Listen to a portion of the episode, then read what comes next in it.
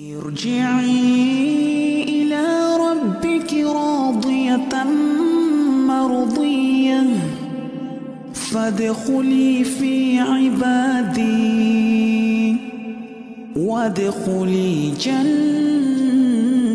جنتي. Uh, tanpa berpanjang waktu lagi, Anda persilahkan kepada Ustazuna, Ustaz Dr. Muhammad Nur Ihsan, LCMA Hafizahullah Ta'ala untuk melanjutkan kajian Al-Iksir pada malam hari ini. Tafadhal Maskura Ustaz. Nah. Bismillahirrahmanirrahim. Assalamualaikum warahmatullahi wabarakatuh. Waalaikumsalam warahmatullahi wabarakatuh. Alhamdulillahi rabbil alamin. Wassalatu wassalamu ala ashrafil anbiya'i wal mursalin. نبينا محمد وعلى آله وصحبه أجمعين ومن تبعهم بإحسان إلى يوم الدين. اللهم علمنا ما ينفعنا وانفعنا بما علمتنا وزدنا علما. اللهم إنا نسألك علما نافعا ورزقا طيبا وعملا متقبلا. اللهم إنا نعوذ بك من علم لا ينفع ومن قلب لا يخشع ومن نفس لا تشبع. wa min du'ain la yusma' wa na'udzu bika min haula'il arba' amma ba'du Bapak Ibu sekalian kaum muslimin dan muslimat rahimakumullah. Kita panjatkan puji dan syukur kehadirat Allah tabaraka wa taala atas segala limpahan rahmat dan karunia-Nya. Atas seluruh nikmat yang tidak terhitung banyaknya kemudahan dan pertolongan, taufik dan hidayah yang senantiasa menyertai kehidupan kita sehingga berbagai aktivitas dan ubudiyah kita jalankan, kita lakukan dengan segala kemudahan dan pertolongan Allah Subhanahu wa taala. Alhamdulillah awalan wa akhira wa zahiran wa batinah. Kemudian salat dan salam mari kita perbanyak mengucapkannya untuk Nabi yang mulia Nabi Muhammad sallallahu alaihi wasallam. Allahumma salli ala Muhammadin wa ala ali Muhammad. Mudah-mudahan salawat yang kita ucapkan Mudah-mudahan salawat yang senantiasa kita hiasi hari-hari dan kehidupan kita dengan bersalawat pada Nabi sallallahu alaihi wasallam merupakan salah satu dari tanda-tanda kecintaan kepada beliau disertai dengan kesungguhan di dalam menelusuri jalan kehidupan beliau serta kesungguhan di dalam melaksanakan ubudiyah sesuai dengan petunjuk dan tuntunan beliau sallallahu alaihi wasallam. Itulah hakikat cinta yang tulus kepada Rasulullah. Itulah pertanda ketulusan cinta kepada Rasulullah sallallahu alaihi wasallam. Mudah-mudahan kita menjadi orang-orang yang tulus cintanya dan menjauhkan kita dari cinta yang palsu kepada Rasulullah. Allahumma amin. Bapak Ibu sekalian, rahimakumullah. Kita lanjutkan kajian kita tentang a'malul qulub. yang sungguh sangat bermanfaat bagi jiwa kita semua dalam rangka usaha untuk tazkiyatun nafsi. Telah dijelaskan sebelumnya oleh Imam Ibnu Qayyim amalan-amalan yang utama yang terkandung dalam firman Allah iyyaka na'bud. Kita diciptakan untuk beribadah. Kemudian apa saja amalan yang utama, yang afdal dalam pandangan agama. Telah jelaskan oleh beliau yang afdal yang utama itu adalah beramal dalam setiap waktu dan saat dalam setiap tempat dan waktu, kondisi dan keadaan beramal untuk meraih ridho Allah Subhanahu wa taala. Maka sesuai dengan kondisi dan keadaan tersebut, amalan yang dilakukan akan memiliki nilai dan keutamaan sesuai dengan kondisi dan keadaannya serta waktunya. Bapak Ibu sekalian rahimakumullah, pada kesempatan kali ini kita akan menjelaskan ya manazil. Manazil itu adalah tingkatan-tingkatan atau tahapan-tahapan. Iya karena abud itu ubudiyah. Yang tahapan demi tahapan hati kita, jiwa kita senantiasa berpindah di suatu tempat, satu makam, suatu derajat ke derajat yang lain, tingkatan demi tingkatan kita lewati atau jalan demi jalan, tahapan demi tahapan kita lewati dalam rangka berjalan untuk meraih ridha Allah Subhanahu wa taala. Maka judul kajiannya sebagaimana redaksi bahasa Arabnya manazil iyyaka na'bud allati yantaqilu fiha al-qalbu manzilatan manzilatan fi hali sayrihi ila Allah taala. Perlu kita ketahui bahwa kita semua ini ya sedang berjalan. Dunia jembatan menuju akhirat. Kita di dunia berjalan menuju kehidupan yang kekal abadi di akhirat kelak. Karena dunia bukan tempat tinggal kita selama-lamanya. Perjalanan di dunia ini bagaikan seorang musafir yang berjalan untuk suatu tujuan. Kemudian begitu dia letih dan capek, dia mencari sebatang pohon yang rindang untuk berteduh sejenak. Kemudian akan melanjutkan perjalanan sampai tujuan akhir. Itulah perumpamaan perjalanan kita di dunia ini menuju Allah Subhanahu wa taala. Kita berjalan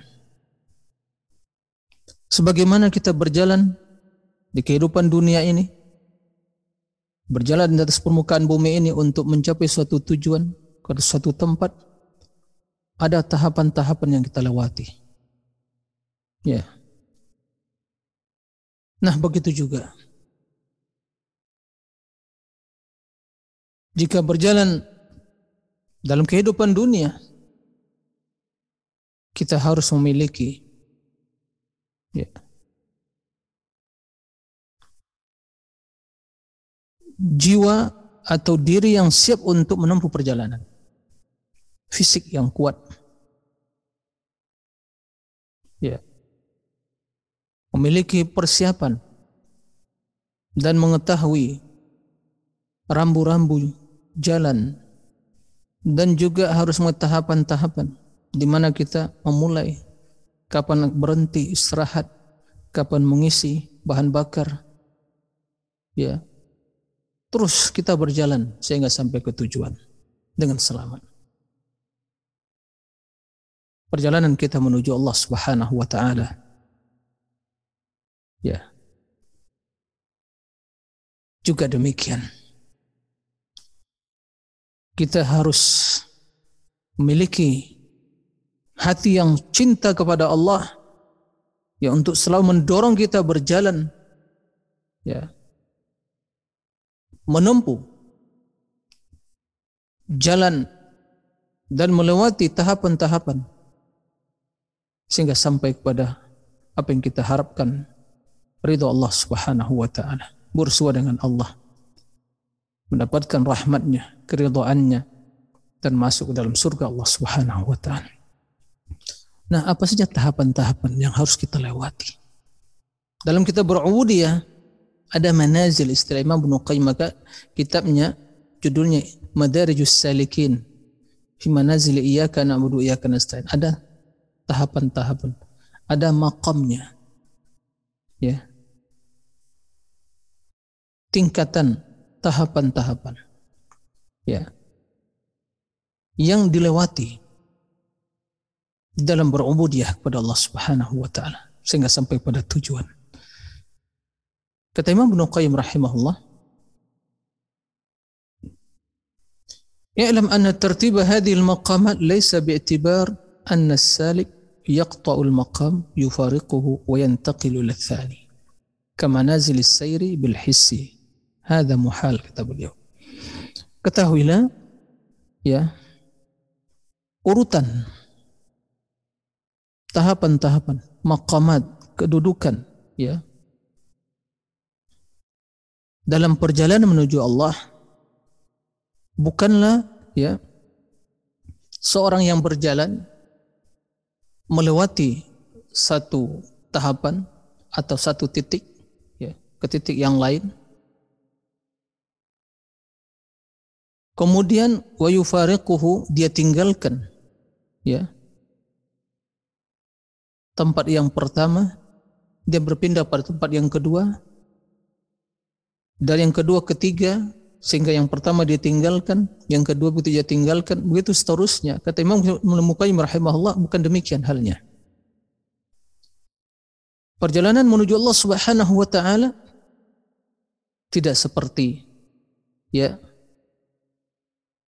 perjalanan kita di permukaan bumi ini meninggalkan suatu tempat sampai pada tujuan yang kedua, yang ketiga, sehingga kita akan berpisah dari tempat yang pertama sampai pada tempat yang kedua. Berpisah tempat yang kedua sampai ke tempat yang ketiga. Begitu seterusnya sampai titik akhir perjalanan kita. Bukan demikian kata Imam Ibnu Qayyim.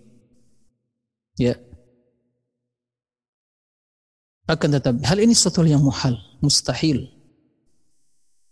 Ya. Karena tahapan demi tahapan di dalam urutan tahapan demi tahapan ya kemudian tempat titik demi titik yang kita lewati. Ya. Menuju Allah Subhanahu wa taala itu tidak akan bisa dipisahkan. Ya satu kedudukan dengan kedudukan yang lain. Ya. Semua hal itu saling bertautan saling berkaitan. Ya. Nah ini yang harus kita ketahui. Kata beliau sebagai ya renungan bagi kita perbandingan ala tara anna al-yaqdhah ma'ahu fi kulli maqam la tufariquhu Tidakkah engkau memperhatikan bahwa al-yaqdhah Yaqdhah itu bangun dari tidur, jadi kesadaran yang selalu menyertai diri seseorang di kulli maqam dalam setiap kondisi. Ya. Dia berjalan di mana saja, maka kesadaran itu selalu menyertai dirinya. Ya. La tufariquhu. وكذلك البصيرة والإرادة والعزم وكذلك التوبة demikian juga halnya dengan basirah, keilmuan, al-iradah, keinginan ya, untuk melakukan sesuatu. Wal azmu itu azimah, tekad yang kuat. Wat taubah dan taubat. Kata beliau, ya, ini termasuk ya tahapan-tahapan dan tingkatan-tingkatan ubudiyah dalam perjalanan menuju Allah Subhanahu wa taala. Ada basirah, ada ilmu ada iradah, keinginan, ada azam. Kalau sudah berkeinginan tapi belum berazam juga tidak terlaksana. Wakadzalika taubah. Keempat maqamat ini belum menamakan maqamat yaitu tahapan-tahapan ini. Amalan atau enam tingkatan ke tempat tingkatan ini itu tidak bisa dipisahkan dari diri seseorang hamba yang berjalan menuju Allah Subhanahu wa taala. Ini modal utama perjalanan. Ya. Ke mana saja dia berjalan, ya, apa saja jalan yang dia tempuh, jalan yang disyariatkan oleh Allah untuk sampai menuju Allah Subhanahu wa taala, dia selalu membutuhkan keempat hal itu al-ilmu wal wal iradatu wal azmu wat taubah berilmu kemudian dia iradah punya keinginan yang uh, keinginan untuk melakukan kemudian berazam ya memiliki tekad yang kuat untuk beramal untuk berjalan ya wat taubah. Dan dia bertaubat. Kenapa demikian? Dan dalam perjalanan banyak kekurangannya. Mungkin dalam perjalanan ada yang ya terjadi pelanggaran terhadap aturan. Maka dia bertaubat kendati telah dipatuhi rambu-rambu perjalanan tadi. Masih banyak kekurangan. Dia butuh bertaubat. Subhanallah. Fa innaha kama annah min awwalil maqamat wa hiya akhiruha aidan.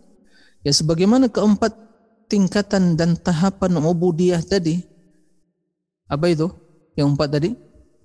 Al-ilmu al-basir al-iradah al-azm at-taubah sebagaimana hal itu merupakan tahapan awal ya titik-titik awal dari perjalanan dia juga di waktu yang sama akan menjadi akhir tahapan dari perjalanan Jadi di awal perjalanan kita menuju Allah menuju akhirat kita membutuhkan empat perkara tersebut. Di akhir perjalanan kita, ya kita juga membutuhkan hal itu. Bisa dipisahkan dari diri kita dalam berjalan menuju Allah Subhanahu wa taala. Bal ya kulli waqtin mustashabah. Setiap waktu ya, keempat perkara tersebut harus senantiasa menyertai diri kita. Jangan ditinggalkan. Itu modal utama dalam perjalanan. Ya. Itu bahan bakarnya. Dan juga persiapannya. Nah, zadur rihlah, ya, persiapan dalam perjalanan.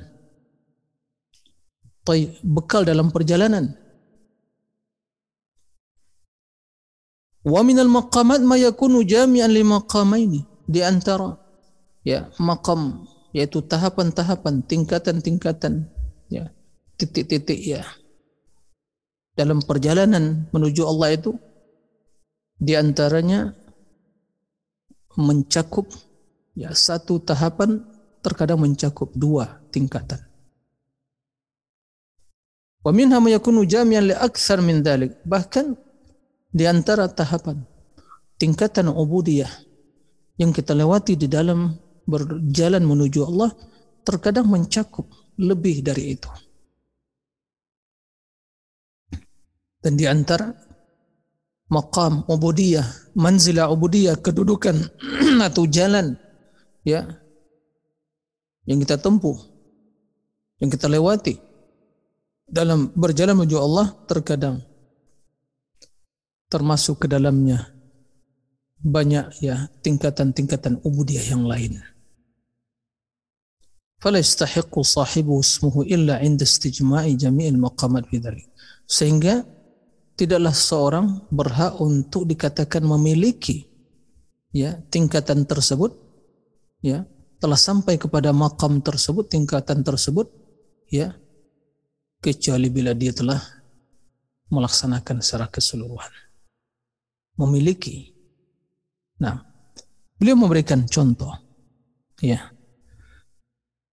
At-taubah tadi kita sebutkan di antara empat ya uh, tingkatan ubudiyah. Ya.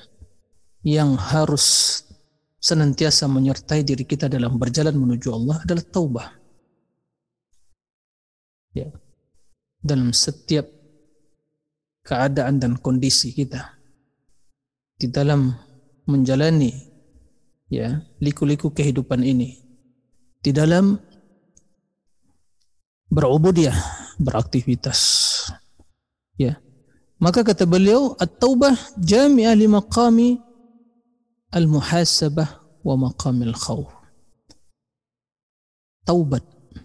Ya. Manzilatut taubah.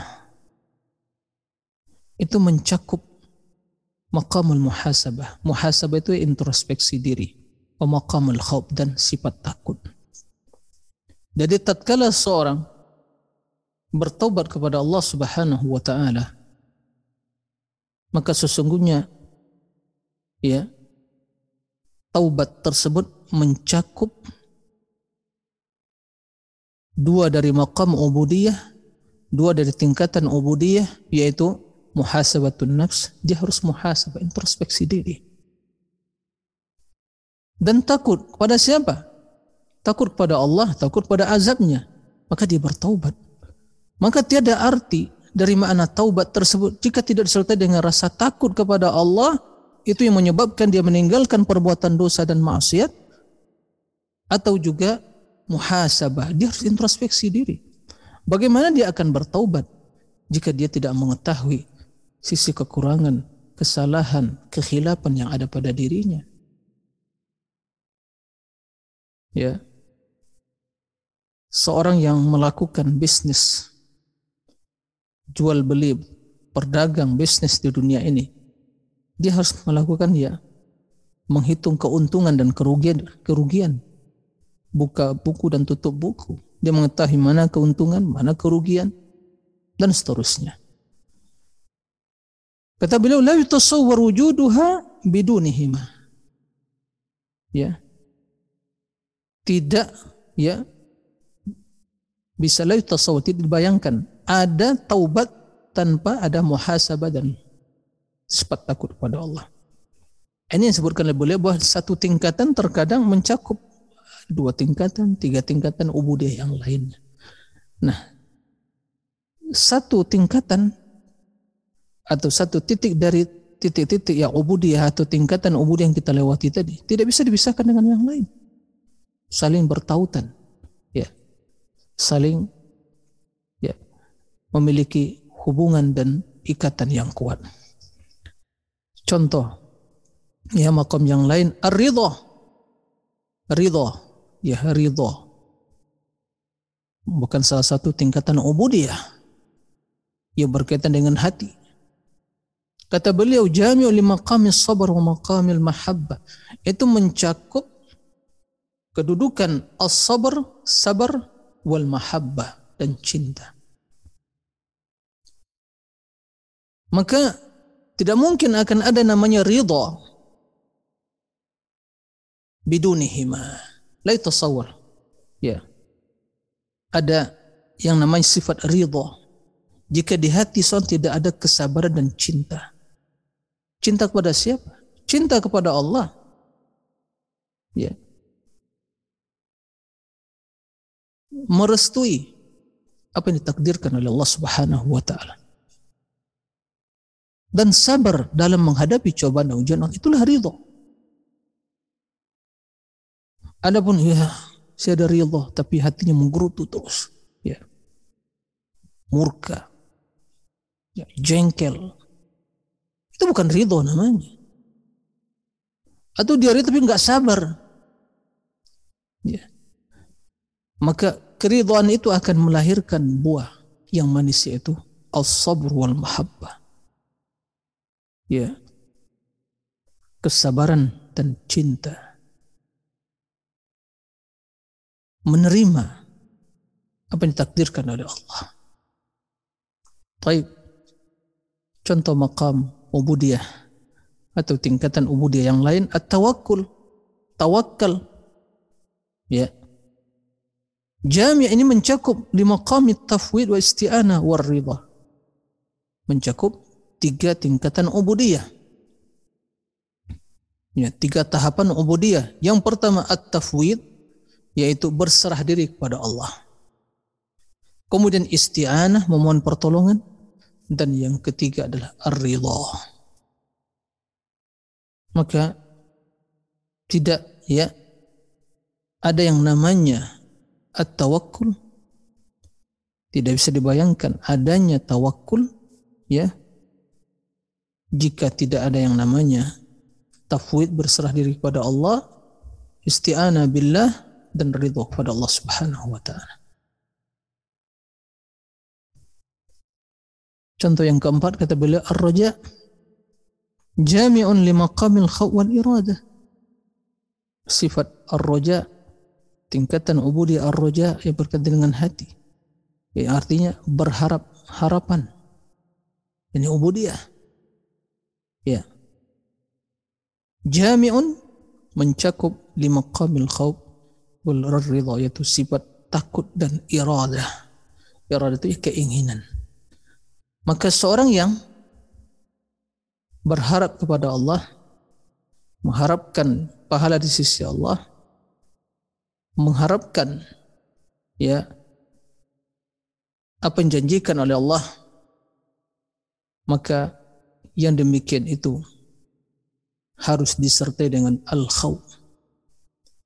Karena sekedar berharap saja bisa jadi hal itu akan menjerumuskan dia ke dalam sikap al-ghurur dan merasa aman ya dari azab Allah ya dengan harapan bahwa sebanyak apa pun dosa yang dia lakukan ya pasti dirahmati dan ampuni oleh Allah lupa dia kepada azab Allah murka Allah yang sangat pedih sekali atau ya azab yang sangat pedih sekali.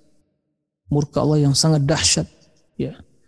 Maka ar-raja mencakup makna al-khawf yaitu sifat takut. Begitu juga al-iradah ada keinginan berharap saja tapi berpangku tangan yang nggak ada artinya dia berharap maka berusaha ada keinginan al-iradah. Nah, ini maksudnya perkataan Imam Ibnu Qayyim rahimahullah. Jadi satu tingkatan dari tingkatan ubudiyah tersebut terkadang mencakup satu tingkatan yang lainnya atau dua atau tiga. Bahkan mencakup banyak tingkatan-tingkatan ubudiyah yang lainnya. Artinya ada keterkaitan antara satu tingkatan ubudiyah, satu tahapan ubudiyah dengan tahapan ubudiyah ubudiyah ubudiyah yang lainnya yang seorang hamba berjalan di permukaan bumi ini dalam rangka berubudiyah kepada Allah dia selalu berpindah dari satu tahapan ke tahapan ubudiyah yang lain yang hal itu senantiasa menyertai dirinya. Tidak akan mungkin bisa dipisahkan dari dirinya. Nah Bapak Ibu sekalian rahimakumullah ini sangat penting sekali. Ya kita sebagaimana yang saya utarakan tadi, semuanya sedang berjalan. Ada yang sudah sampai, ada yang sedang berjalan, ada yang menunggu. Ya, artinya apa? Ya, tatkala maut ajal datang, berarti perjalanan kehidupan dunia ini telah diakhiri. Itu maksud sampai yang saya katakan tadi. Bukan berarti dia telah sampai, kepada ya menjumpai Allah dan masuk surga atau waliyazubillah ya naudzubillah kita belum dari neraka. Belum. Perjalanan masih ada tahapan yang dilewati di alam barzakh. Nanti setelah itu alam akhirat. Tapi bila perjalanan dunia ini mulus ya disertai dengan berbagai ya perbekalan yang lengkap ya yang tadi ada ilmunya ada iradah, ada azamnya, kemudian ada taubahnya. Dan hal itu semua mencakup ya tingkatan-tingkatan ubudiyah yang lainnya yang berkaitan dengan hati karena ini amalul qulub maka bi'inillah juga perjalanan di alam barzakh bi'inillah akan mulus juga dan bila selamat di alam barzakh tentunya di alam akhirat menuju ya tempat kediaman yang abadi, yang asli, abadi, hakiki, yaitu surga. Assalamualaikum yarzuqana dhalik. Semoga Allah mengkaruniakan hal itu pada kita semua. Allahumma amin. Imam Nuqaim melanjutkan. Wa kullu maqamin min hadhil maqamat fassalikuna bin nisbati ilaihi naw'an abrarun wa muqarrabun. Ya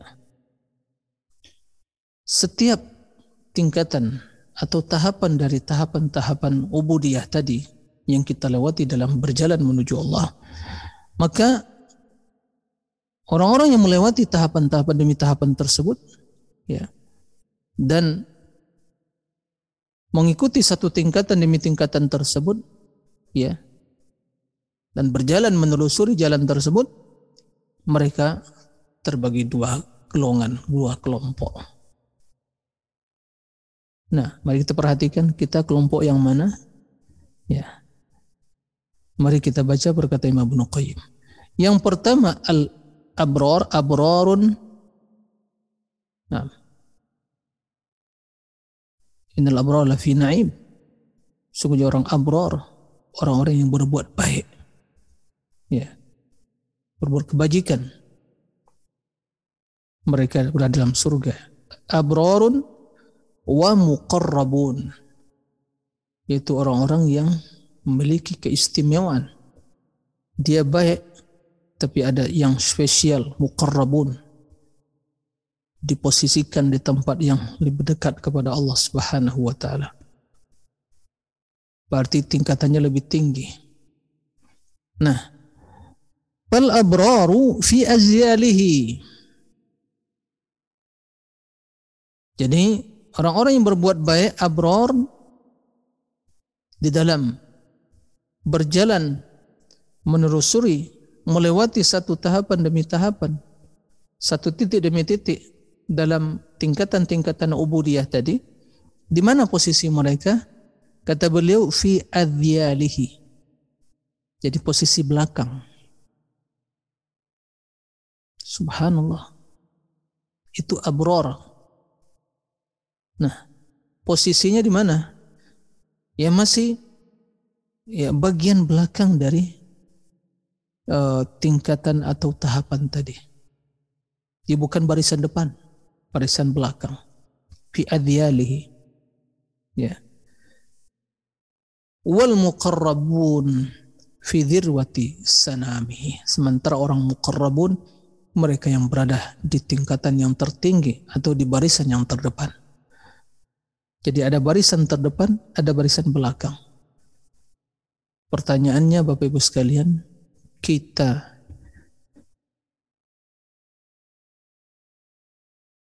yang mendengar sekarang ini dan terutama yang berbicara pada kesempatan kali ini. Kita ini di barisan yang mana ini? Barisan depan kita dalam menelusuri makam-makam perjalanan tadi, tingkatan-tingkatan perjalanan titik demi titik perjalanan tadi atau ya berada di barisan belakang. Semoga Allah Subhanahu wa taala ya menjadikan kita orang-orang yang muqarrabun yang didekatkan kepada Allah sehingga menjadi barisan yang terdepan. Minal muqarrabin farawha wa rayhanu wa jannatu na'im. Wa amma in kana min ashabil yamin fasalamun laka min ashabil yamin. Ini mungkin dalam ya mungkin pembagian dari sisi lain bisa dinamakan ya tingkatan muqarrabin ya inilah orang yang Farauhu wa rihanu wa jannatuna kenikmatan dan keindahan di surga yang dia dapatkan. Ya. Kemudian wa amma min ashabul yamin, ashabul yamin. Ya yaitu orang-orang yang berada posisi sayap kanan atau bagian kanan ashabul yamin. Wassalamun laka min ashabul yamin. Selamat bagi lima ashabul yamin. Ya. Bapak Ibu sekalian rahimakumullah. Jadi ada dua golongan, ya, dua golongan yang berjalan melewati tahapan demi tahapan ubudiyah menuju Allah Subhanahu wa taala. Ada abrar, ada muqarrabun. Abrar berada di barisan belakang, yang muqarrabun berada di barisan yang awal atau tingkatan yang paling tinggi. Wahakadzah maratibul iman jami'uha. Beginilah ya tingkatan-tingkatan keimanan keseluruhan maka orang beriman tidak sama tingkatannya. Dan ini akidah ahli sunnah. ثم أورثنا الكتاب الذين اصطفينا من عبادنا ومنهم ظالم لنفسه ومنهم مقتصد ومنهم سابق بالخيرات بإذن الله ini tiga tingkatan Aurathna kemudian kami berikan kami wariskan ya kitab kepada hamba-hamba yang kami pilih ya Maka di antara hamba Allah tersebut ada mereka yang menzolimi dirinya. Ada yang muktasid berada dalam posisi tengah. Ya. Ada yang sabikun bil khairat yang berlomba-lomba dalam barisan terdepan untuk meraih kebaikan. Yang zalim li nafsi melaksanakan atau meninggalkan sebagian kewajiban dan melaksanakan atau mengerjakan sebagian hal yang haram. Ini dia zalim di nafsi. Yang kedua, muktasid. Dia hanya mencukupkan diri dengan hal yang wajib dan meninggalkan yang haram. Dan sabikun bil khairat yang berlomba-lomba dalam kebaikan berada dalam barisan terdepan mereka melaksanakan kewajiban serta juga amalan-amalan yang sunnah, meninggalkan hal-hal yang haram, bahkan juga hal yang makruh pun dia tinggalkan khawatir terjerumus ke dalam hal yang haram. Bahkan sampai ya warak dan takwa mereka itu menjadikan mereka meninggalkan hal-hal yang mubah karena semakin banyak ya terus melakukan hal-hal yang mubah bisa menyebabkan seorang terjerumus pada hal-hal yang terlarang. Nah, maka iman derajat, makanya surga juga memiliki tingkatan sesuai dengan amalan dan keimanan. Walikullin darajat mimma amilu. Masing-masing ya menduduki posisi tempat sesuai dengan amalannya. Begitu juga ya kondisi manusia di padang mahsyar sehingga keringat yang bercucuran dari tubuh mereka sebabkan terik matahari yang begitu panas sekali.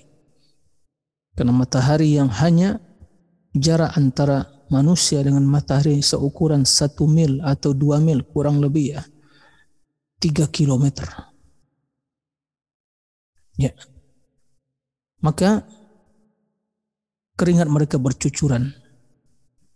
Sehingga mungkin kalau bisa istilahkan, kita istilahkan ya banjir keringat, tapi keringat tersebut menutupi jasad dan fisik mereka, tubuh mereka sesuai dengan amalannya.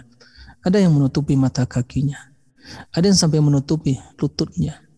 Ada yang sampai menutupi pinggangnya. Ada yang sampai menutupi ya mulutnya. Sallallahu alaihi wasallam. Begitu juga yang melewati sirat. Jembatan yang dibentangkan di atas an-nar, neraka. Ya. Dan manusia melewatinya bukan lagi berjalan kaki tapi biqadri a'malihim tajri bihim a'maluhum. Amalan mereka yang akan membawa mereka berjalan dengan cepat melintasi sirat tersebut. Begitu dia di dunia ini orang yang bergegas, orang yang bersegera, berlari dan mengikuti kebenaran yaitu bersegera bila mendapatkan kebenaran. Menelusuri jalan Allah maka dia juga akan bergegas akan segera melewatinya. Tapi kalau di dunia malas-malasan mengikuti kebenaran, nggak mau ibadah, nggak mau untuk ilmu, ya, nggak mau muhasabah diri dan seterusnya, sehingga ya banyak hal-hal yang dilanggar, banyak perintah yang ditinggalkan, ya begitu juga. Dia akan merangkak ataupun berjalan jatuh, berdiri lagi jatuh sehingga kaitan-kaitan yang ada di pinggir sirat tersebut itu kalalib namanya itu akan mengait dia melukai dirinya ya karena dia di dunia telah dilukai oleh syubhat dan syahwat telah terpedaya oleh syubhat dan syahwat, telah diseret ke kiri dan ke kanan oleh syubhat dan syahwat. Begitu juga. Nah, jazaan wifaqa. Balasan yang setimpal. Balasan yang sejenis. Bapak Ibu sekalian rahimakumullah. Wa kullu minan naw'aini la yuhsi tafawutahum. Dan masing-masing dari kedua naw'aini yaitu dua kelompok dua golongan tadi abrarun muqarrabin ma la yuhsi tafawutum yang tidak bisa diketahui tafawutuhum tingkatan-tingkatan perbedaan mereka perbedaan perbedaan tingkatan tadi Tidak sama. Mereka yang zalim sendiri tidak sama tingkatannya. Mereka yang muktasi juga tidak sama tingkatannya. Banyak yang menyebabkan perbedaan itu. Dan juga antara muqarrabun juga tidak sama. Darajatihim dan juga perbedaan-perbedaan tingkatan-tingkatan mereka yang itu hanya diketahui oleh Allah Subhanahu wa taala la yuhsi tafawutahum wa tafadula yang tidak diketahui perbedaan tingkatan perbedaan mereka ya perbedaan derajat mereka kecuali oleh Allah Subhanahu wa taala. Bapak Ibu sekalian rahimakumullah. Kemudian kata Imam Ibnu Qayyim وقد يعرض له أعلى المقامات والأهوال في أول بداية سيره فينفتح عليه min halil mahabbati wal ridha wal unsi wat tuma'nina ma lam yahsul ba'du lis-saliki fi nihayatihi. Terkadang kata Imam Ibnu dalam kondisi dan keadaan ya, terkadang seorang itu ya mendapatkan tingkatan yang tertinggi dan kondisi yang paling utama yang paling mulia di awal perjalanan dia menuju Allah Subhanahu wa taala. Ya. Sehingga dibukakan baginya pintu-pintu apa? Kemuliaan sehingga tertanam dalam dirinya. Kecintaan, keridhaan, al-uns merasa tenang dirinya dengan Allah tuma'nina nyaman. Ya. Ketenangan, ketentraman dia rasakan cinta dan ridho yang bersemi di hatinya yang mungkin hal itu tidak dirasakan, tidak didapatkan orang yang telah berjalan dan sampai kepada batas akhir. Maksudnya apa? Baru seorang yang berjalan mungkin di awal perjalanan, titik awal, titik awal dan kedua, begitu ya. Tapi dia telah merasakan dalam dirinya tingkatan ubudiyah yang mulia bersemi di hatinya cinta, ridho, ketenangan batin dan ketentraman jiwa dirasakan. Ini karunia dari Allah. Ya. Boleh jadi hal itu orang yang telah sampai pada titik akhir dalam perjalanannya, dia tidak merasakan hal itu. Nah, ini perkara yang apa ya, yang uh, fakta dalam kehidupan kita, realita dalam kehidupan kita. Nah, ويحتاج هذا السالك في نهايته إلى أمور من البصير sehingga orang yang telah berjalan tadi telah sampai pada titik akhir dalam perjalanan dia, dia membutuhkan perkara-perkara yang lebih dari kebutuhan orang-orang yang masih dalam tahapan awal perjalanannya. Kenapa dengan makna-makna dari cinta, ridha, ketenangan, ketentraman itu tidak bersemi dan ada dalam dirinya. Karena tidak telah berjalan. Ya. Maka kata Imam Ibnu dia membutuhkan apa? Basirah. At-taubah wal muhasabah. A'zam yang lebih besar kebutuhan dia daripada kebutuhan orang yang tadi masih berjalan dan melewati tahapan pertama dan kedua. Masih dalam awal perjalanan. Maka dia membutuhkan basirah. Apa itu basirah? Al-ilmu. Dia membutuhkan taubat muhasabah. Kenapa bertaubat? Dia telah sampai titik akhir. Tapi kenapa? Ya, tingkatan ubudiyah dan kenikmatan dan kemuliaan dan manisnya ya uh, ubudiyah amal amalul qulub ya cinta dan ridho belum dirasakan kemanisannya ya keindahannya dan juga ya belum bersemi hal itu dalam hatinya Padahal dia telah berjalan. Dia telah lewati tahapan demi tahap. Tapi kenapa orang yang sebagian mungkin masih dalam tahapan awal. Tapi dia telah merasakan hal itu. Ada apa ini?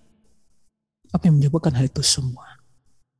Maka kata Imam Ibnu Qayyim, dia membutuhkan yang namanya al-basirah. Ilmu, dia mengetahui kondisi dirinya. Ada sesuatu yang perlu dibenahi dan diperbaiki. Wat taubah dan bertobat dari kekurangan dari keterbatasan itu. Ya. Wal muhasabah introspeksi diri. Wahai jiwa ada apa denganmu? Kamu telah berjalan kamu telah beramal tapi kenapa juga belum merasakan manisnya iman kenapa belum juga ya bersemi di hatimu cinta kepada Rahman pada Allah kenapa juga kamu masih galau masih bimbang, masih bingung, belum ada ketentraman dan kedamaian dalam dirimu. Ada apa ini? Maka dia muhasabah. Walaysa fi tartibun kulliyun lazim lisul. Maka tidak ada ya urutan mungkin ya secara mutlak harus ini dilewati, harus ini tahapannya dulu tidak. Terkadang Allah bukakan ya pintu oh, ubudiyah itu kepada seorang hamba yang tidak dibuka kepada yang lain. Taufik biadillah subhanahu wa ta'ala. Nah, maka kata beliau kemudian beliau menyebutkan di sini bahwa wal aula al kalam fi hadil maqamat ala tariqatil mutaqaddimin kemudian beliau menyebutkan ya, metode yang lebih utama dalam pembahasan tentang maqamat ubudiyah ini manazil ubudiyah tahapan-tahapan ubudiyah tingkatan-tingkatan ubudiyah ini yaitu sesuai dengan ya metode para ulama mutaqaddimin dari ahli zuhud ya aimatul qaum yang secara umum ya mutlak fi kulli maqam maqam yaitu secara satu persatu dari tingkatan-tingkatan ubudiyah tadi. Bibayani haqiqatihi wa mujibihi menjelaskan hakikatnya wa mujibihi dan konsekuensinya. Wa afatul mani amin husuli dan juga sebab penghalang untuk mendapatkannya. Jadi beliau akan menjelaskan bagi kita ya tahapan demi tahapan, tingkatan demi tingkatan. Bagaimana nanti yaqdah, bagaimana basirah, bagaimana sabar, bagaimana ridha, bagaimana taubah. Itu tahapan-tahapan kita lewati. Titik demi titik yang kita harus lewati dalam perjalanan tadi. Menyebutkan bagaimana hakikatnya, bagaimana konsekuensinya, bagaimana implementasinya, dan bagaimana kita mengaktualisasi dalam mengaktualisasikan dalam hidup ini. Dan juga kita harus mengetahui apa saja hambatan-hambatan, rintangan-rintangan yang akan menghalang, menjadi penghalang untuk mendapatkan hal itu. Ini akan jelaskan oleh beliau. Wal qati'an yang memutus wa dzikri ammi wa khas dan sebutkan hal yang khusus, yang umum, yang khusus dari setiap makam kedudukan tadi. Nah, fakalam a'immatit tariq huwa ala hadzal minhaj. Perkataan para ya tokoh-tokoh utama ahli zuhud ya orang-orang yang zuhud tersebut itu berada di atas manhat atau jalan yang ini. Fa'inhum nazzamu ala amalil qulub wa ala al-ahwal kalaman mufassalan jami'an mubayyinan mutlaqan min ghairi tertib wala hasra lil maqamat ma'lum. Mereka telah menyusun ya uh, tahapan demi tahapan dari amalul qulub, amalan hati. Jadi kita berbicara tentang amalul qulub ya walal ahwal dan kondisi ya telah dijelaskan oleh mereka secara terperinci menyeluruh komprehensif ya jelas secara umum min ghairi tertib tanpa ada urutan yang baku gitu ya. Karena sebagian tadi Imam tadi ya tidak ada urutan yang baku. Ya. Wala hasra juga tidak ada batasan lil maqamat dengan jumlah tertentu. Karena satu makam akan melahirkan makamat yang lain. Taib. Kemudian kata beliau, metode yang lebih utama nadhkura manazil al ubudiyyah al warida fil Qur'an was sunnah. Ya. Maka yang lebih utama bagi kita semua, kita akan menyebutkan kata Imam Ruqayyim manazil ubudiyah, tingkatan-tingkatan ubudiyah, tahapan-tahapan ubudiyah ya yang tertera di dalam Al-Qur'an dan Sunnah, yang terdapat dalam Al-Qur'an dan Sunnah wa nadhkur laha tertiban ghaira mustahiqin bal mustahsan. Kita sebutkan urutannya ya, bukan urutan urutan yang yang berhak yang udah baku tidak. Tapi ya mungkin dianggap lebih ini mustahsan, lebih baik gitu ya. Bal mustahsan. Bihasabi tertibis sayril hissi. Sesuai juga dengan apa? Uh, tahapan urutan perjalanan kita di dunia ini ada tahapan dan perjalanan. Ya. Begitu juga hampir sama seperti itu ya. Perjalanan harus dimulai dengan adanya ya kesadaran kita untuk bisa tujuan yang dicapai yaksloh. Ya. Kemudian memiliki iradah. Ya. Kemudian azam. Begitu ya. Mempersiapkan bekal dengan hal-hal yang perbekalan dalam perjalanan tadi. Ini akan disebutkan oleh beliau secara urutannya gitu ya. Tapi ini bukan hal yang baku seperti itu, tapi beliau berusaha. Ya, dan keilmuan beliau Imam Ibnu Qayyim ya memberikan urutan ya tahapan-tahapan ubudiyah yang kita lewati dalam berjalan menuju Allah Subhanahu wa taala. Wa yakunu at-tasdiq bihi atam ya. Uh, na'am liyakuna dhalika aqrab tanzil al-ma'qul manzilat al-mashhud bil his. Ya, agar metode yang seperti itu akan lebih ya uh, memberikan ya pemahaman yang nyata sehingga seolah disaksikan secara ya indera kita. Nah, jadi apa yang terbesit dalam benak pikiran sebentuk pemikiran maka dituangkan dalam bentuk ya gambarkan dalam bentuk yang bisa dilihat dengan indera kita dan dirasa dengan indera kita. Fayakunu tasdik biatam sehingga tasdik membenarkan hal itu lebih sempurna. Pembenaran terhadap itu lebih sempurna dan ma'rifah terhadap itu lebih juga sempurna wa dhabtuhu asal sehingga menguasainya untuk lebih mudah. Nah, Bapak Ibu sekalian rahimakumullah.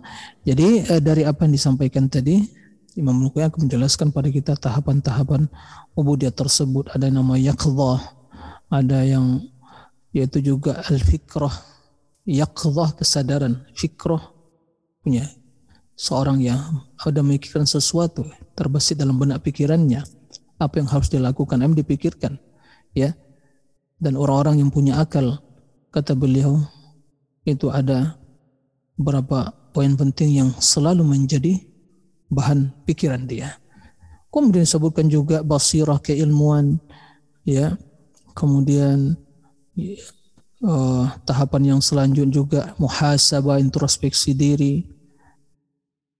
Bukan tahapan-tahapannya. Dan hal-hal yang lain yang berkaitan dengan tahapan ubud yang harus kita lewati menuju Allah taubah ya.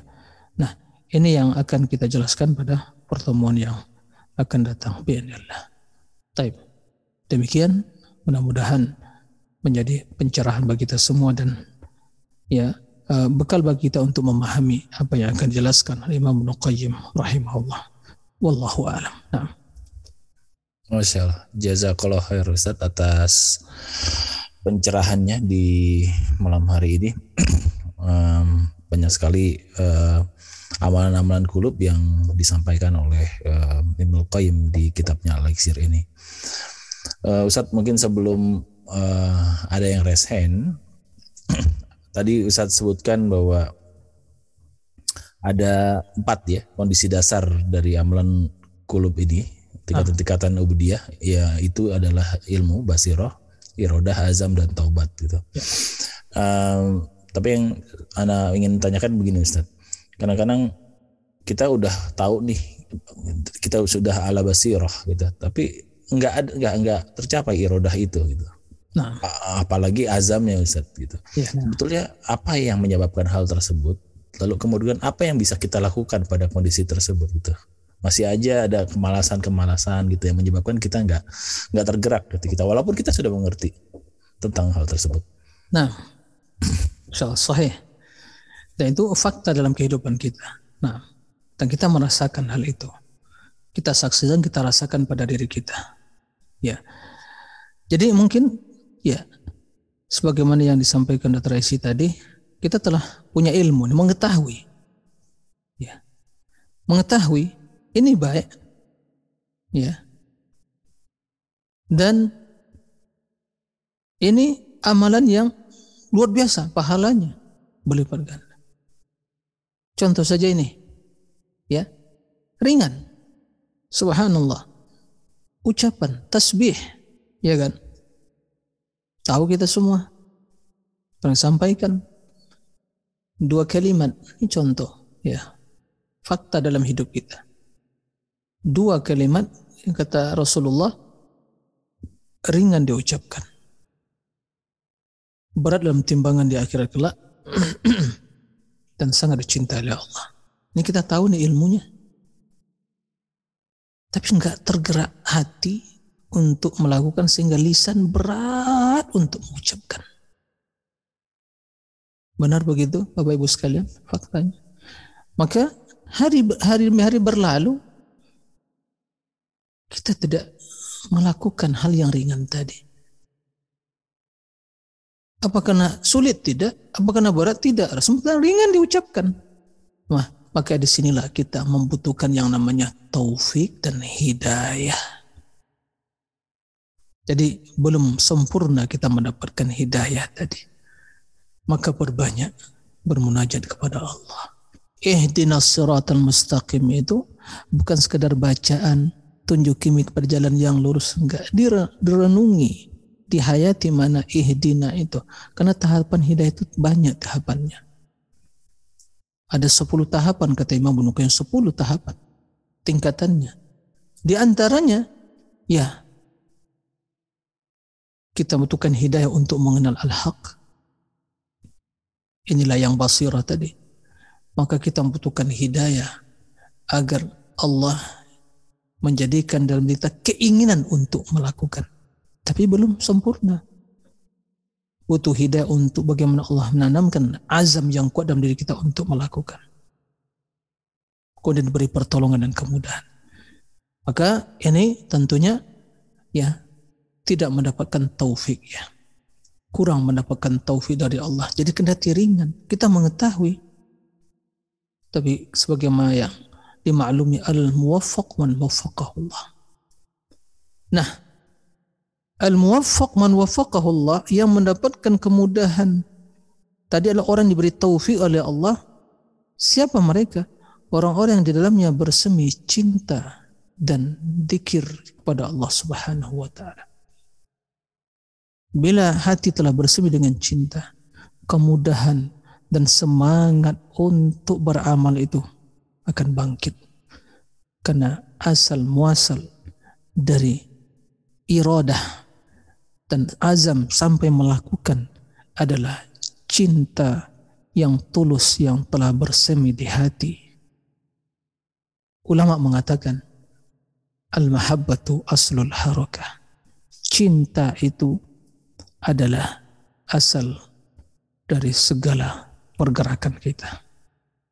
Maka perlu kita membenahi diri. Terus belajar lagi ma'rifah tentang Allah, tentang nama-nama dan sifat-sifatnya. Tentang nikmat dan karunia yang ada di sekitar kita yang Allah berikan yang kita pakai. Itu akan menanamkan cinta. Sehingga bila itu tertanam. Pasti akan terdorong untuk melakukan yang terbaik untuk ya Rob zat yang kita cintai karena tiada yang lebih dicintai daripada Allah. Nah inilah yang terus kita harus yang muhasabah tadi. Muhasabah, ya Allah ada apa nih ya Allah? kok diri ini rasa malas gitu ya. Nah, sisi lain yang juga sangat berbahaya. Ya, perlu kita muhasabah. Ya mungkin di hati. As-sidqu Allah. Dan juga ya, uh, perbuatan yang mungkin terjerumus dalam perbuatan-perbuatan yang haram yang membuat kita itu malas untuk melakukan hal itu. Ini di antara hal yang penyebabnya. Atau mungkin juga tidak ada faktor lingkungan atau sahabat pertemanan yang mendorong hal itu. Jadi memang banyak ya faktor dan harus usaha kita harus berusaha untuk ya mewujudkan sebab-sebab yang juga meringankan kita, memotivasi kita untuk melaksanakan apa yang kita ketahui tadi. Nah, itu mungkin yang bisa disampaikan. Allahu a'lam. Masya Allah, Masya Allah. Mudah-mudahan kita semua bisa mendapatkan taufik itu Ustaz. Nah. Masya Allah. Baik, hmm, Ana persilahkan kepada yang resen. Uh, ah Gufran, tafadol. Ya. Assalamualaikum warahmatullahi wabarakatuh. Waalaikumsalam warahmatullahi wabarakatuh. Semoga Ustaz dan seluruh kaum muslimin selalu dalam lindungan Allah Subhanahu wa taala dan selalu atas kebaikan sebenarnya sudah sudah dijawab sih barusan eh, mohon nasihatnya aja Ustaz agar mudah meninggalkan maksiat khususnya dikala sendiri serta istiqomah di atas amal soleh. Mohon nasihatnya. Syukran jazakallah khair. Assalamualaikum warahmatullahi wabarakatuh. Waalaikumsalam warahmatullahi wabarakatuh. Nah, terima kasih kepada Bapak yang bertanya. Barakallahu fiik. Ini semua nasihat untuk kita semua, terutama yang berbicara. Karena juga yang berbicara manusia yang banyak kesalahan dan dosanya. Maka kita saling mengingatkan diri kita dan saudara kita dan orang-orang yang kita cintai karena Allah. Nah, dalam hal ini tentunya ya banyak hal yang harus kita lakukan agar ada ya taufik dan pertolongan dari Allah untuk bisa meninggalkan perbuatan dosa dan maksiat tadi. Dan termotivasi untuk selalu melakukan ketaatan dan istiqomah di atas agama Allah. Di antara hal yang dan ini yang paling utama dan yang pertama menghadirkan dalam diri ya keagungan, kemuliaan dan sifat takut kepada Allah bahwa Allah Subhanahu wa taala Raqib yang memantau ya kondisi dan keadaan seorang hamba. Maka kita mengetahui bahwa Allah ya Sami'un, Allah Basirun, Alimun. Allah melihat, Allah mendengar, Allah mengetahui. Nah, tidak ada yang tersembunyi bagi Allah. Nah, kita merasa takut dari manusia dan tidak takut pada Allah. Istaghfuna minan nas wa istaghfuna minallah. Mereka ingin bersembunyi, rasa takut dan bersembunyi dari manusia dan tidak bersembunyi dari Allah. Ya, Allah mengetahui. Maka menghadirkan makna yang seperti itu muraqabatullah. Ya. Ini muraqabatullah yang harus selalu kita hadirkan dalam setiap kondisi dan keadaan. Mungkin kalau bisa kita namakan ya dengan alat ya elektronik yang mungkin ya CCTV yang ini yang harus kita hadirkan dalam setiap diri kita. Allah rakib, memantau. Dan kita kerja di kantor, dipasang CCTV agar direktur bos kita melihat ya kita takut menyanyikan amanah atau bermain atau mungkin ya tidak bekerja meninggalkan ruangan sehingga terpantau oleh CCTV tadi. Di akhir bulan dilihat catatan sebulan ini banyak hal yang negatif. Jam sekian tidur-tiduran di kantor, jam sekian kosong dan seterusnya, kerja tidak serius, kita khawatir. Maka akan dikurangi ya, gajinya, itu bisa jadi dapat ya uh, surat peringatan SP pertama dan seterusnya. Bisa jadi mungkin menyebabkan dia itu dikeluarkan dari perusahaan tersebut. Bagaimana dengan Allah Subhanahu wa taala? Ya.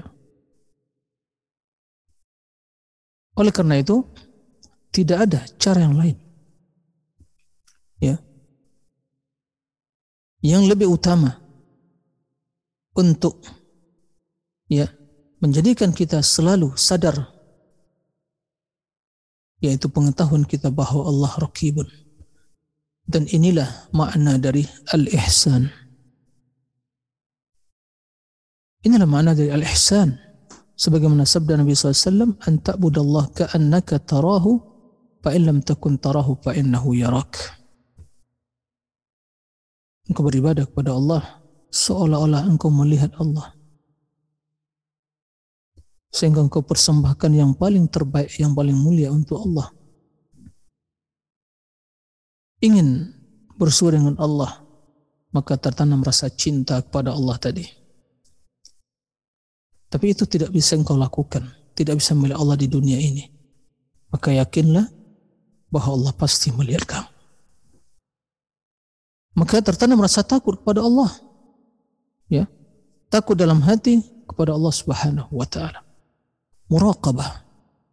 Maka muraqabatullah Ini adalah ubudiyah amalan yang biiznillah akan menjadi sebab utama seorang meninggalkan ya maksiat disertai dengan sifat takut kepada Allah dan juga ia akan membendung seorang terjerumus ke dalam perbuatan dosa tadi. Dan sisi lain ya,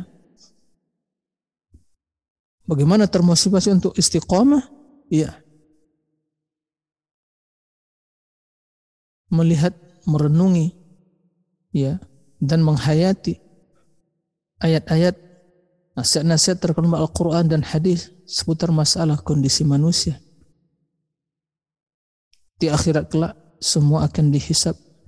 Mithqala dzarratin khairan yarah, wa ya'mal mithqala dzarratin syarran yarah. Naam. Kemudian bagaimana penyesalan manusia di akhirat kelak? Semua hal itu akan membuat kita termotivasi untuk beramal. Kita tidak ingin merugi, kita tidak ingin menyesal. Mumpung kita di dunia masih ada kesempatan membenahi, memperbaiki, melengkapi, ya maka bergegas. Tentu ya keistiqomahan tadi adalah sumbernya dari hati. Maka sebagaimana diajarkan Nabi Sallallahu Alaihi Wasallam, kita berlepas diri dari daya dan upaya kita dan hanya bergantung kepada Allah untuk memperbaiki hati kita, meneguhkan ya hati kita di atas agama Allah. Perbanyak doa ya muqallibal qulub tsabbit qalbi. Juga memohon kepada Allah agar hati kita disucikan oleh Allah, dibersihkan ya dari berbagai dosa dan maksiat dan noda-noda yang akan merusak. Kemudian juga memohon kepada Allah agar Allah menanamkan kecintaan kepada iman dan amal soleh dalam diri kita menanamkan kebencian di dalam hati kita kepada kekufuran, kepasikan dan kemunafikan. Ya. Karena Allah yang menanamkan hal itu. Naam.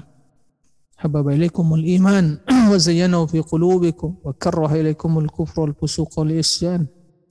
Naam. Jadi Allah yang menanamkan hal itu. Maka bermohon kepada Allahumma habib ilayal iman wa zayyinhu fi, qal wa zayyinhu fi qalbi wa karri ilayal kufur wal fusuq wal isyan wa jani minar rasyidin. Nah, demikian. Wallahu a'lam. Masya Allah, jazakallah khair Ustaz atas jawabannya. Ini ada yang resen kembali nih Ustaz eh, dari Pak Chef. Silahkan Pak Chef. Assalamualaikum warahmatullahi wabarakatuh Ustaz. Waalaikumsalam warahmatullahi wabarakatuh. Barakallahu fiik Ustaz. Uh, dalam tadi yang disampaikan Dr. Aisi terkait dengan empat hal tadi, al ilmu, basyiro, azam dan taubah. Hmm. Bagaimana mengkompromikan hal ini ya terkait dengan surat Asyam ayat 8 kalau tidak salah. Fa'alhamaha fujuroha wa taqwaha. Allah mengilhamkan dua jalan juga itu. Fujur dan takwa. Di samping itu Allah juga sudah menuliskan eh, segala sesuatunya tentang kita 50 ribu tahun yang lalu ya di Laumul Mahfuz gitu hmm. tentang takdir kita yang eh, saat ini yang sedang kita jalankan. Nah. Bagaimana mengkompromikan ini Ustadz terkada, eh, terkait dengan hal-hal informasi tadi di atas Ustadz. Syukran Ustadz. Nah, baik. Syukran. Barakallahu fiik. Nah, pertanyaan luar biasa ya. Baik. Jadi sebagaimana yang dijelaskan Imam Ibnu Qayyim rahimahullah tadi bahwa dalam setiap ya maqam tahapan dan tingkatan perjalanan ubudiyah kita ini membutuhkan basirah wal iradah wal azam dan taubat. Nah, kita membutuhkan basirah ilmu, iradah, keinginan, azam, tekad kuat untuk beramal. Jadi setelah iradah ada azam. Kalau masih irada punya keinginan, tapi tidak memiliki tekad yang kuat untuk beramal, nggak bisa melakukan. Kemudian bertaubat, karena banyak kekurangan, banyak kesalahan, banyak dosa dan seterusnya. Nah, bagaimana hubungannya dengan firman Allah? Mengkompromikan. Ya, falhama fujurah wa taqwa. Allah mengilhamkan kepada diri itu fujurah wa taqwa. Fujur yaitu kejelekan, wa taqwa dan kebaikan. Nah, dan juga dengan sabda Nabi SAW qaddarallahu maqadir al-khalaiq nah yaitu dan kataballahu maqadir al-khalaiq ya. Bi khamsina al-anam qabla yakhluq as-samawat qabla yakhluq as-samawat bi khamsina alf sanah wa kana arsyu 'alal ma' Allah telah mentakdirkan segala takdir menentukan segala takdir makhluk ini di lauhil mahfud sebelum penciptaan langit dan bumi selama 50 ribu tahun dan arash Allah ya sungguh telah ada di atas air. Nah, nah perlu kita ketahui tidak ada sama sekali ya pertentangan atau kontradiksi antara apa yang jelaskan Imam Qayyim dan juga ayat yang dibacakan atau hadis yang dibacakan tadi. Kenapa demikian? Karena sesungguhnya apa yang Allah takdirkan? Ya. Dan apa yang kita lakukan? Sungguh telah ditakdirkan oleh Allah. Telah tertulis tidak ada yang berubah. Akan tetapi apakah kita mengetahui apa yang telah ditakdirkan oleh Allah bagi diri kita? Tidak ada yang mengetahui makanya Allah Subhanahu wa taala menjelaskan jalan kebaikan dan jalan kejelekan. Jadi maksud alhama fujurha itu artinya dijelaskan kepada jiwa kita. Ada jalan kebaikan, ada jalan kejelekan. Kemudian kita diberi azimah, diberi iradah. Ya kan? Masyiah. Dan ikhtiar. Dan diberi akal yang sehat. Maka Allah jelaskan ini jalan kebaikan, ini jalan kejelekan. Jalan kebaikan ini, ini loh rambu-rambunya, ini tahapan-tahapan dilewati, hati-hati ada jurang kiri kanan, ya jangan sampai terjatuh, ikuti saja jalan yang lurus, ya. Ikuti saja. Nah, kalau diikuti sampai ke tujuan, dan di sana akan sampai kepada ya kenikmatan dan seterusnya. Kemudian ini jalan yang menyimpang. Hati-hati, waspada. Semuanya itu banyak ranjau, ya kejahatan dan macam-macam.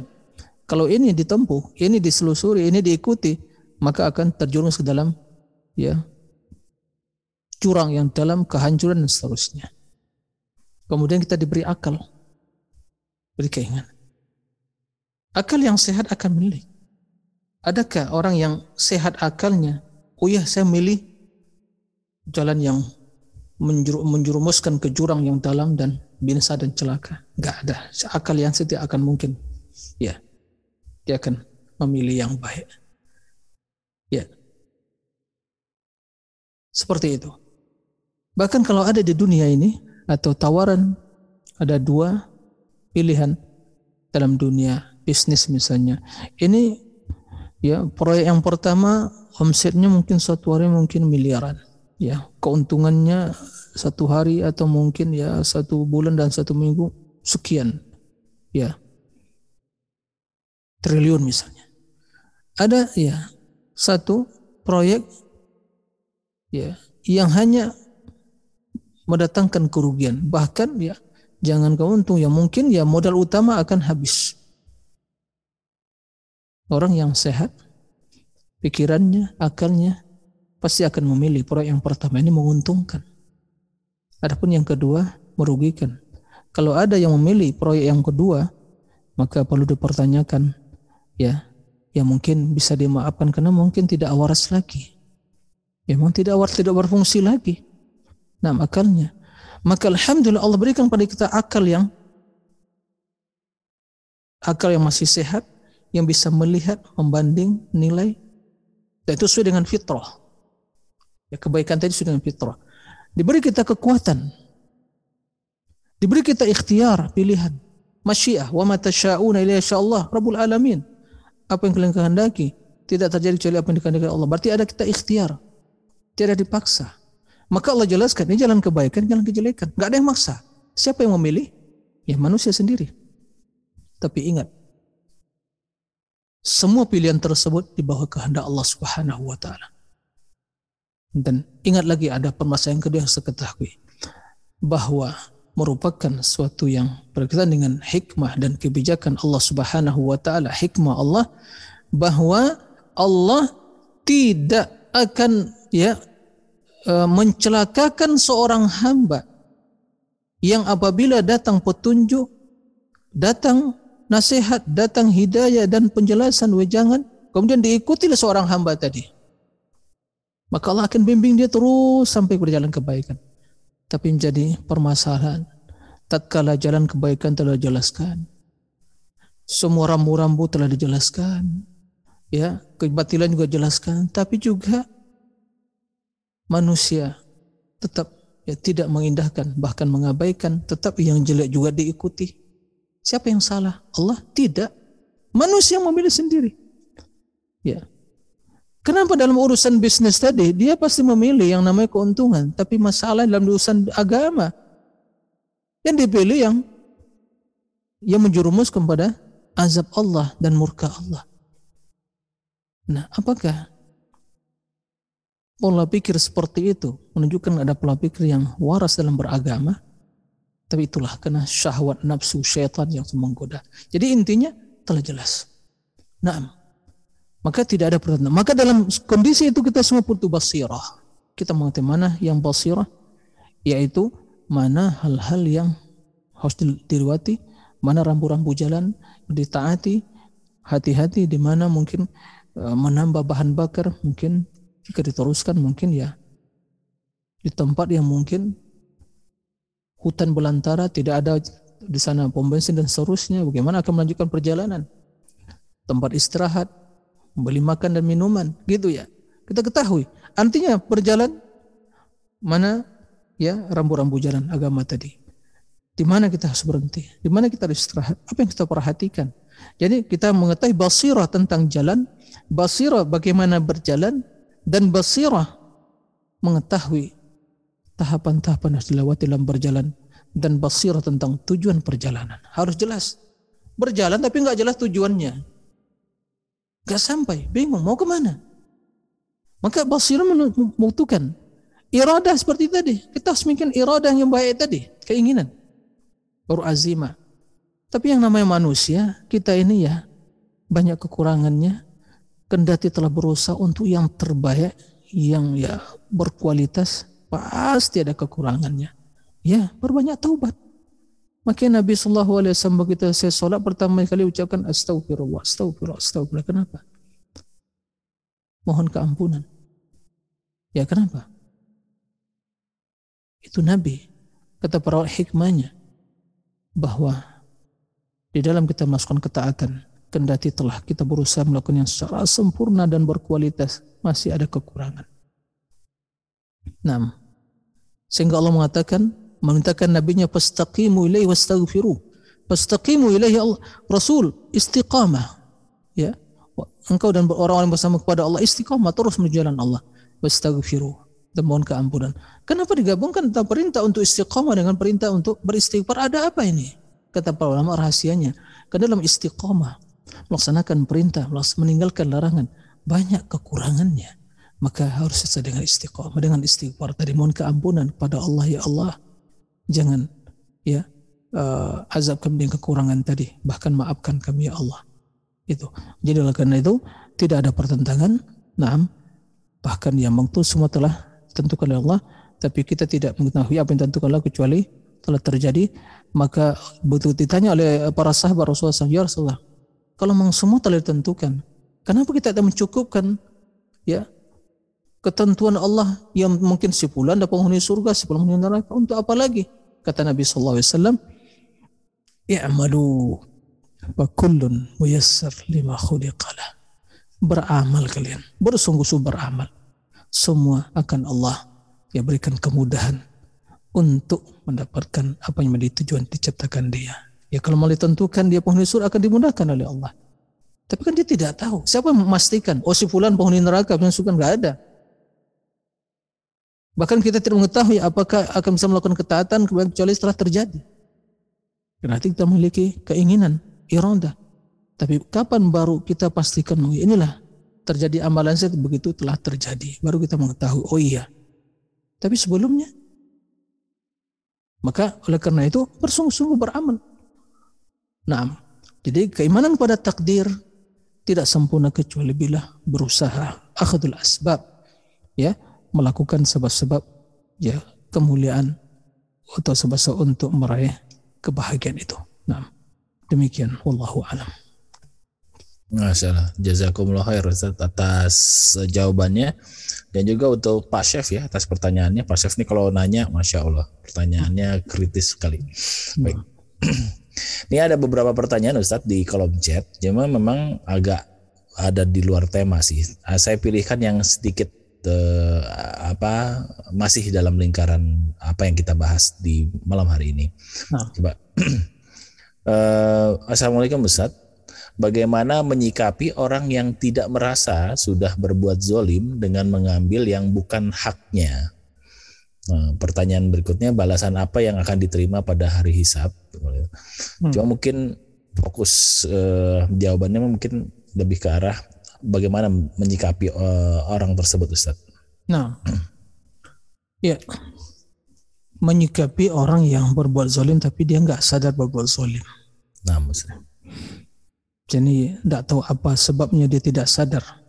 Apakah masih mungkin di dunia alam sadar ini atau di luar alam sadar ya Allah alam ya. Tapi memang itulah manusia. Mayoritas bahkan sifat karakter manusia itu zalum wa jahul. Ya. Zalum banyak buat zalim dan jahul yaitu buat jahil, kejahilan. Nah, bila bergabung antara kejahilan kezaliman itu udah kiamat dunia. Kerusakan akan terjadi. Nah, apa yang menyebabkan dia nggak sadar dibuat zalim? Pertama karena kejahilan dia. Karena kejahilan dia. Tidak sadar bahwa dia telah berbuat kejahilan, telah menzolimi orang, telah berbuat dia zolim, ngambil harta orang, apa nama fitnah orang dan cemaran nama baik dan seterusnya. Tapi karena kejahilan dia, ya, dia tidak mengerti hal itu. Yang penyebab utama. Di antara hal yang menyebabkan bahwa tidak ada kepedulian ya terhadap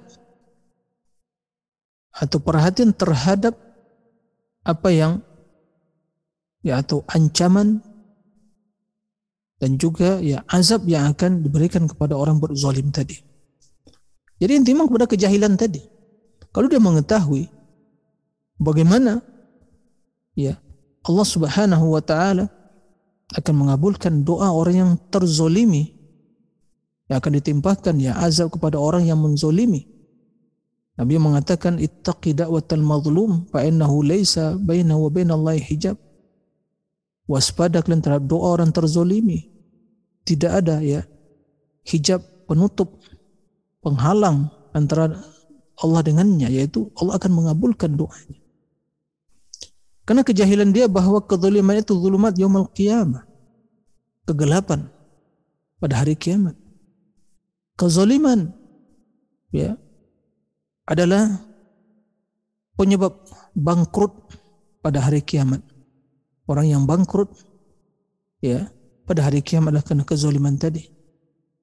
Tidakkah kita mengetahui atau mendengar hadis di mana Rasul bertanya kepada para sahabat, "Atadruna manil muflis fikum min ummati?"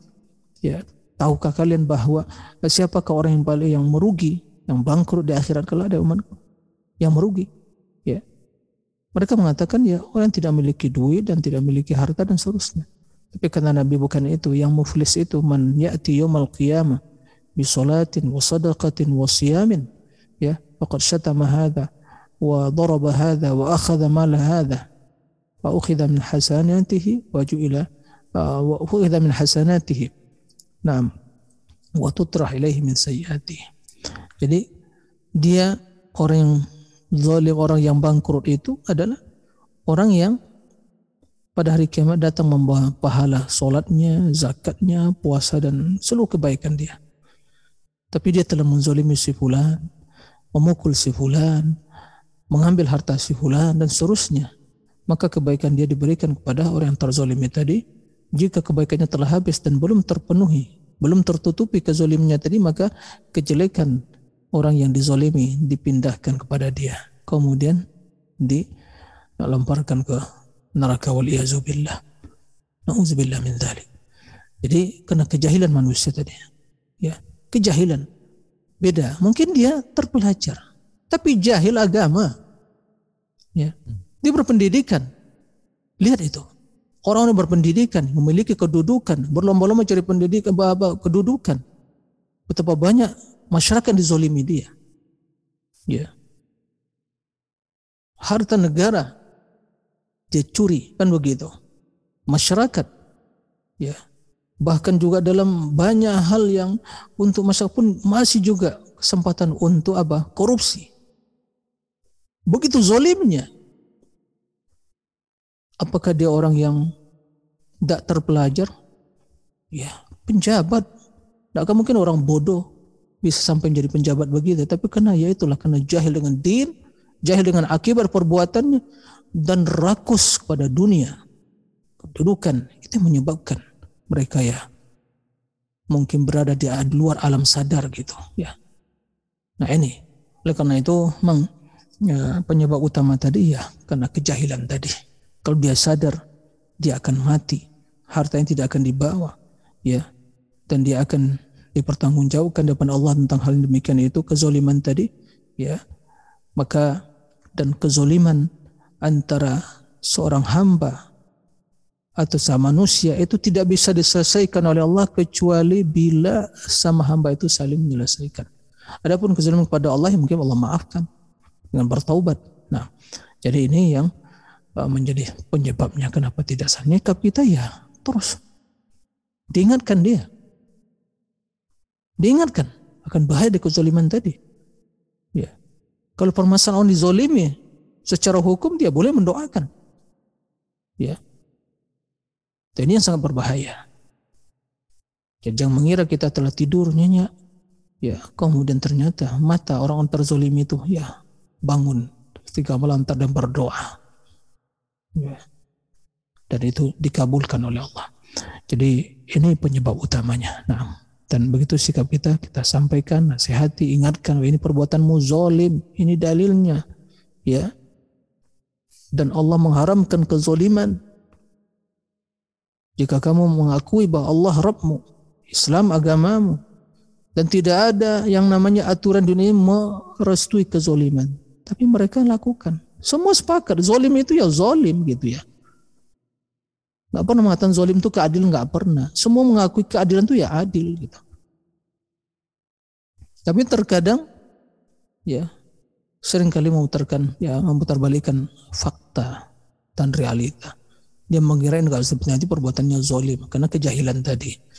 Maka oleh karena itu kita waspada dan ingatkan terus ya bahwa yang demikian itulah perbuatan yang diharamkan oleh Allah atas dirinya dan diharamkan di antara ya hamba-hamba Allah Subhanahu wa taala.